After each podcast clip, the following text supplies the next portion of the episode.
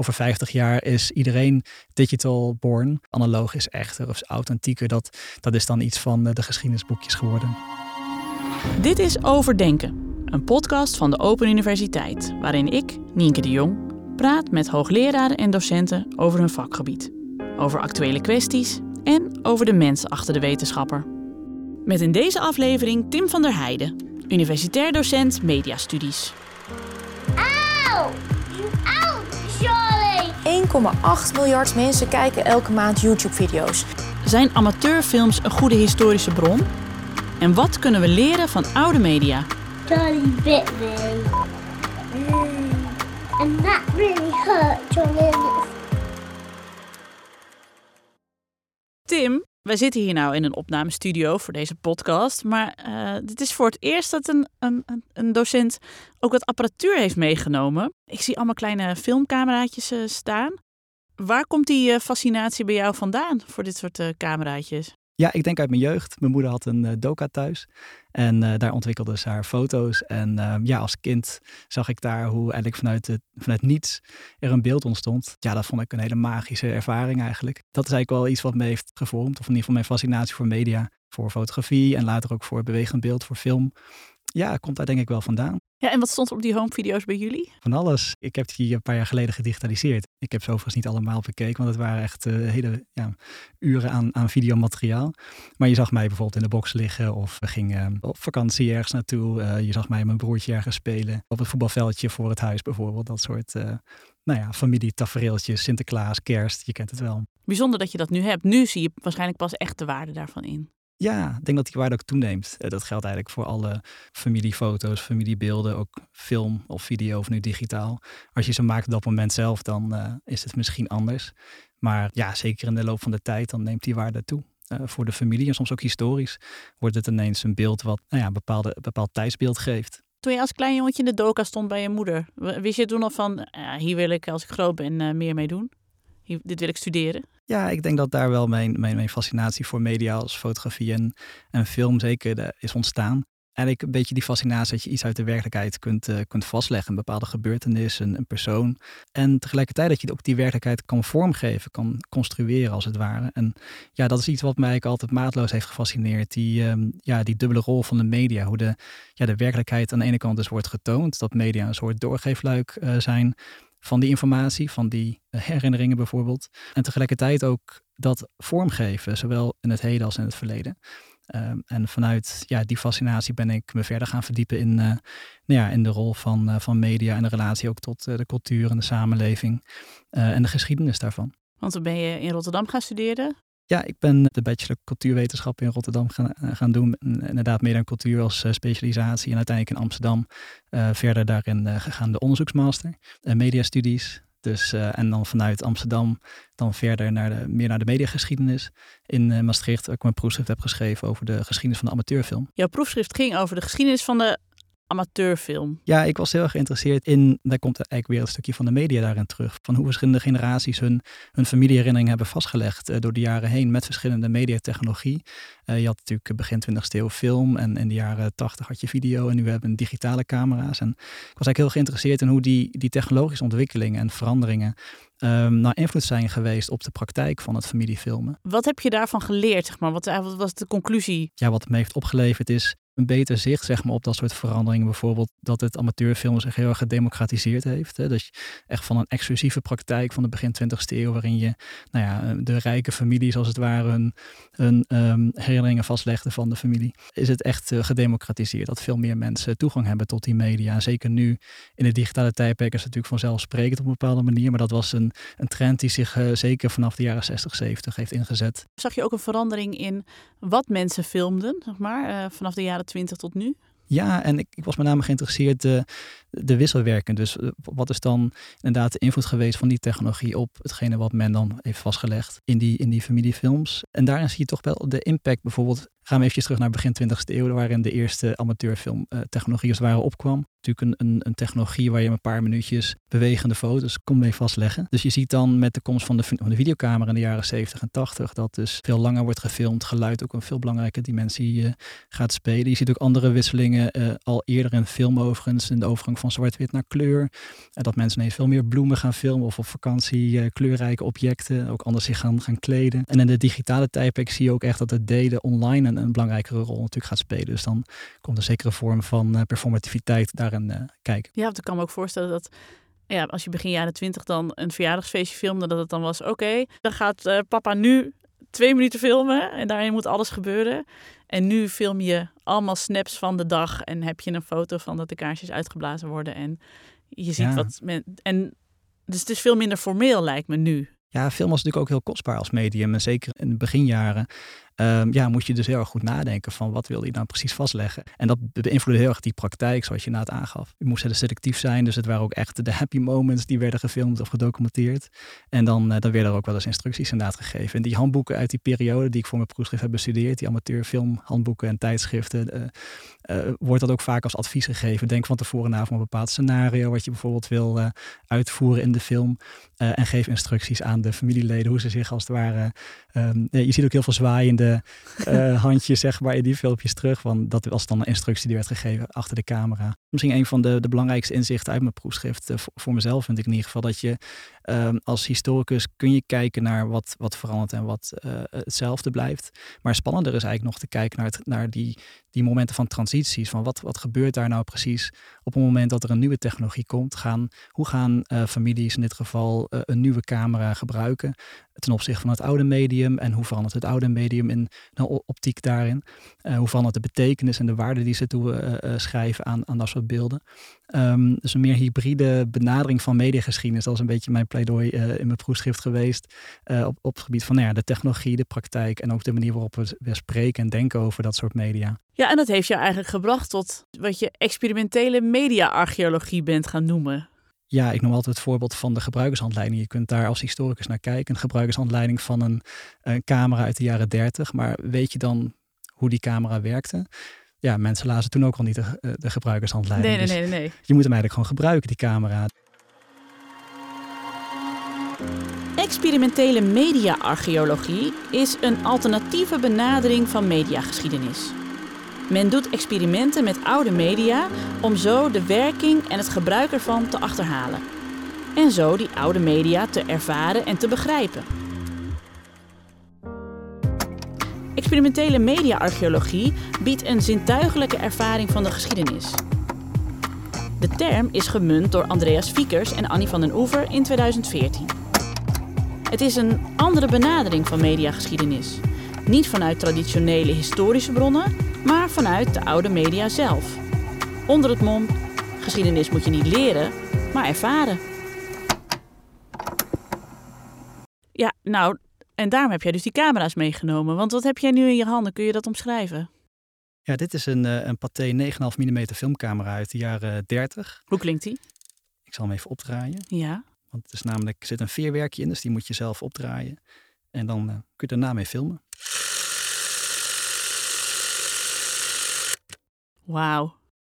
Prachtig zeg. En deze heb jij en jij weet wat je hiermee moet doen. Ja, bij experimentele media-archeologie heb je eigenlijk twee, twee eh, manieren, of nou ja, meerdere manieren eigenlijk, om, uh, om die experimenten te doen met, met, met uh, analoge mediaapparatuur.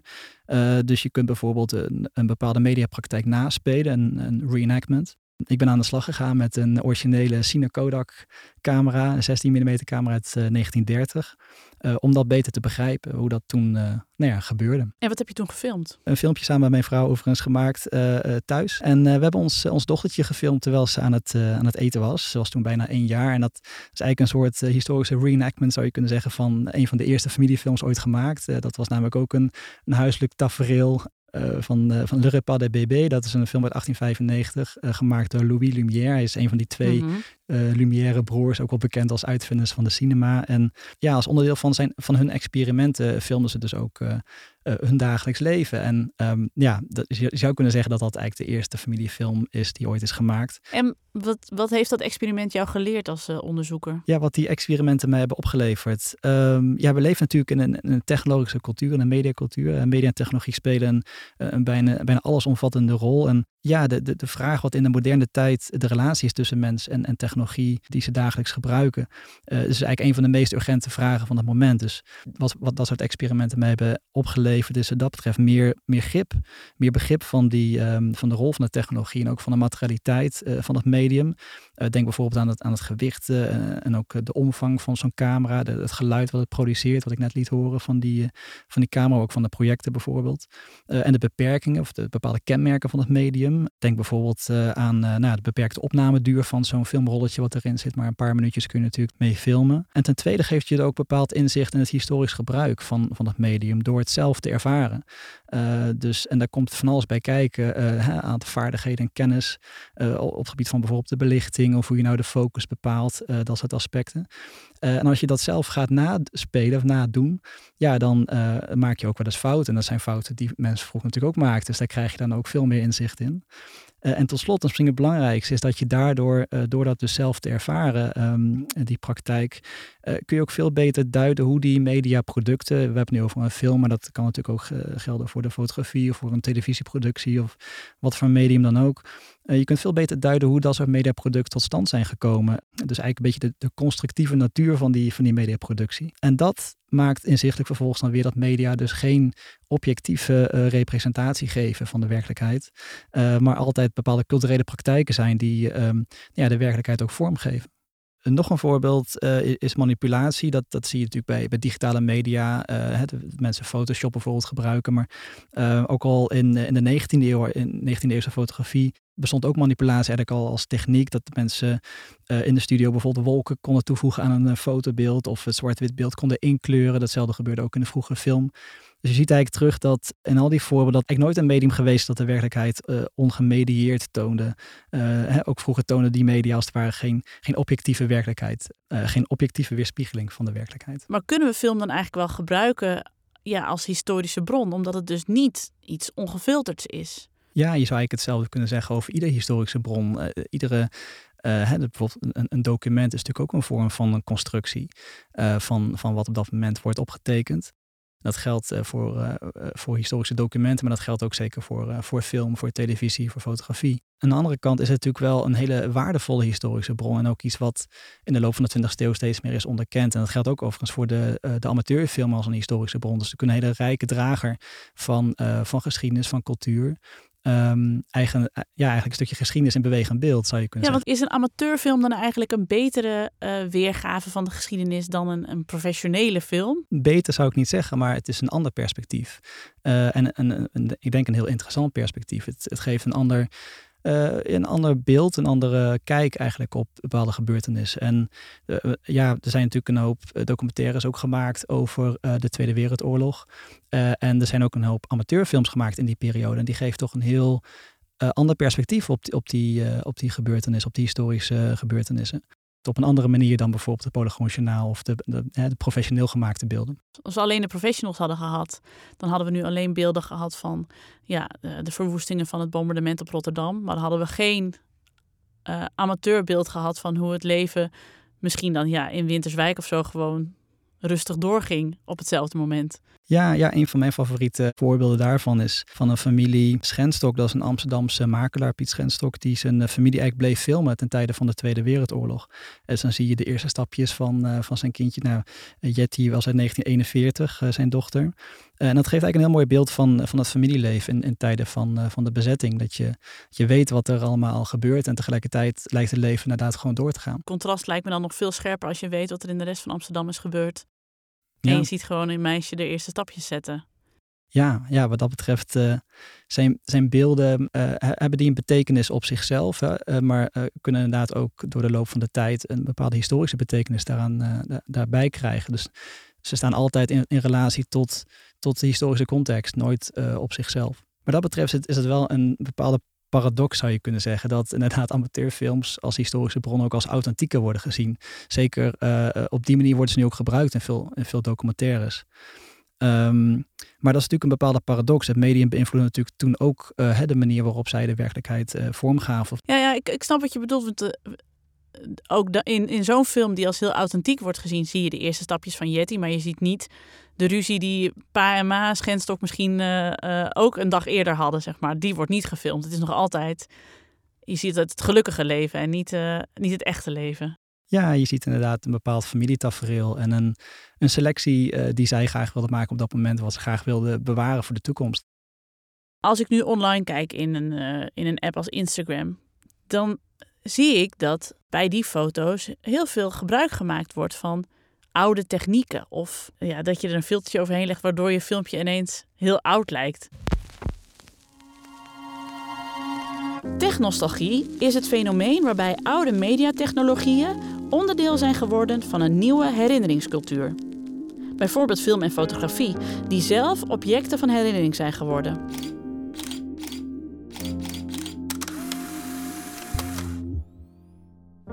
Een goed voorbeeld is de Super 8-camera. Niet alleen de filmpjes uit de jaren 70 videocamera zijn historie geworden, maar ook het ratelende geluid dat die camera maakt en de esthetiek van het beeld, de korreligheid van die film, is geschiedenis geworden. Tegenwoordig bestaan er apps en programma's die die authentieke look en feel van die oude media simuleren. Om op die manier je nieuwe filmpjes authentieker te laten lijken.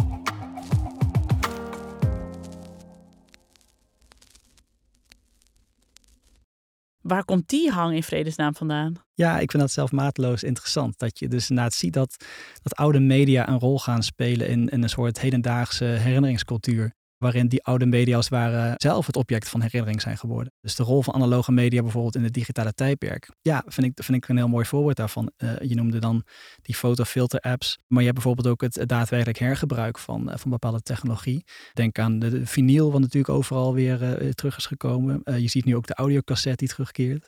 Maar ook zeker op het gebied van fotografie en film. Hè. De, de Polaroid is, is weer terug en Super 8 komt, maakt een comeback. Um, dus ja, interessant.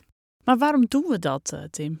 Zit het hem ook in dat we nu zoveel beelden kunnen maken dat je overspoeld wordt door beelden en dat door terug te grijpen naar zeg maar, al die analoge middelen, dat je weer veel meer keuzes moet maken. Dat je veel meer een plan moet hebben van wat je maakt. En dus wat je ziet, dat daar ook veel meer over nagedacht is. En dat je weet, dit is de moeite waard, want hier heeft iemand moeite voor gedaan. Ik, ik, denk dat dat wel zeker een rol speelt. Want er kwam natuurlijk van alles bij kijken bij die analoge mediaproductie. En als je dat allemaal kan samenvatten in een fotofilter. En op die manier iets bijzonders als het ware toe kan voegen aan het beeld. Het maakt het beeld zeker authentieker. Misschien is dat het woord. Dus het is op een bepaalde manier echter of zo. Als mensen ehm, er een, een, een filtertje overheen gooien, dan uh, is in ieder geval de schijn van die authenticiteit wordt daarmee gewekt. Van oké, je hebt een Polaroid gemaakt.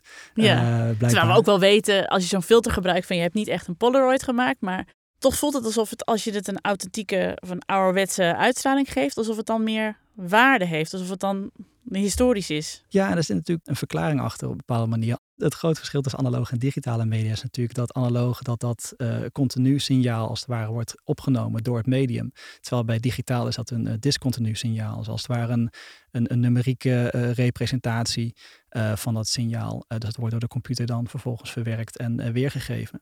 In dat opzicht zijn de, de continue signalen die bijvoorbeeld hè, bij een, een, de groeven die in een vinylplaat zitten of de, de filmpjes die daadwerkelijk op een, op een filmstrook kan zien of een foto ja, dat is een, zit dichter bij die werkelijkheid. Dus daar zit die, het idee van de aura zit daar heel erg omheen. Dat dat dus een betere representatie is van, uh, van die werkelijkheid. En dat, misschien is dat de reden waarom mensen dan ook uh, bij die beelden dan dat als, als echter, als warmer beschouwen. En dat is denk ik ja, een belangrijke reden van de, de terugkeer of de comeback revival van al dat soort analoge media in de hedendaagse cultuur. Uh, maar dat gebeurt op, ja, op die verschillende manieren eigenlijk, zou je kunnen zeggen. Een soort simulatie uh, uh, van, van het analoge en of het daadwerkelijke hergebruik. Maar bij het simulatie, daar zit natuurlijk een bepaalde paradox in. Want je streeft naar authenticiteit door iets te simuleren. Ja. dus dat, dat, ja, als, als cultuurwetenschap is dat super interessant om dat te analyseren. Van wat zit er nou, wat zit daar inderdaad dan achter? De digitalisering van de cultuur was natuurlijk echt een, een, een transitie in de jaren 90 en, en, de jaren 2000. Daarin zie je al dat soort populaire ehm, culturele ontwikkelingen als het ware heel erg daarin terug. Tegenreactie aan de ene kant en aan de andere kant heel erg daarin meegaan. Maar over, over 50 jaar is iedereen digital born, ja. om het zo maar te zeggen. Dus dan heb je veel minder ook die uh, die culturele betekenis en die waarde van oké, het analoog is echter of authentieker, dat, dat is dan iets van de geschiedenisboekjes geworden. Het is, je denkt dan niet dat, dat je over 30 jaar zegt, oh ja, ik, uh, ik maak nog een, een, een telefoon met daar de, de allereerste telefooncamera in en die maakte super slechte, lelijke foto's. Daar, gaan we dan, daar ga je niet nog een keer mee werken waarschijnlijk. Nee, in dat opzicht denk ik dat de iPhone dat object gaat worden van herinnering over, uh, over tien jaar, misschien twintig jaar, misschien is het al. Uh, je ziet eigenlijk die, die wisselwerking steeds terug. Bij de komst van een nieuwe medium wordt het oude medium en ook de imperfectie van dat oude medium wordt ineens duidelijk. En dat kan dan vervolgens een rol gaan, spelen in de, in de representatie van dat medium, in de cultuur. De, de scratches van de vinylplaat is daar een voorbeeld van. Die werden ineens zichtbaar of hoorbaarder op het moment dat audio digitaal werd, perfect als het ware.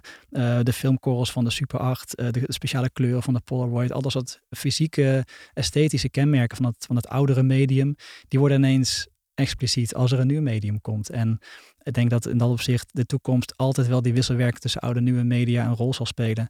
Uh, of dat nou is in de, in de praktijk of in de verbeelding van die praktijk of die technologie. En wat voor onderzoek doe je daar nu bij de OU uh, naar? Op het gebied van, uh, van onderzoek ben ik altijd bezig met uh, bestuderen van media, van mediageschiedenis in relatie tot cultuur en, en cultureel erfgoed. Op het gebied van onderwijs ben ik bezig, heel spannend, met de ontwikkeling van allemaal nieuwe onderwijsprogramma's. Mediatechniek en cultuur bijvoorbeeld, digitale transformaties en, en de beeldcultuur en ook methoden van beeldanalyse. En ook als we naar de toekomst kijken, um, Blijven we dezelfde dingen filmen? Ik denk het wel, dat dat, dat er een constante is. Dat er bepaalde dingen zijn die mensen gewoon graag willen vastleggen. Of dat nou een historische gebeurtenis is, iets wat ze, wat ze bijzonder vinden. Of nou juist het hele alledaagse, dat ze de geboorte van, van een kind of de eerste stapjes, de verjaardagen. Dat zal toch altijd een thema blijven wat terugkeert. Dus jouw moeder filmde uh, jouw eerste vakantie. Jij filmt de eerste vakantie van je dochter. En over 30 jaar wie weet of het ooit zover komt, filmt jouw dochter weer de eerste vakantie van haar kind. Ja, ongetwijfeld. Ja, ja en mooi toch? Dankjewel voor dit gesprek, Tim.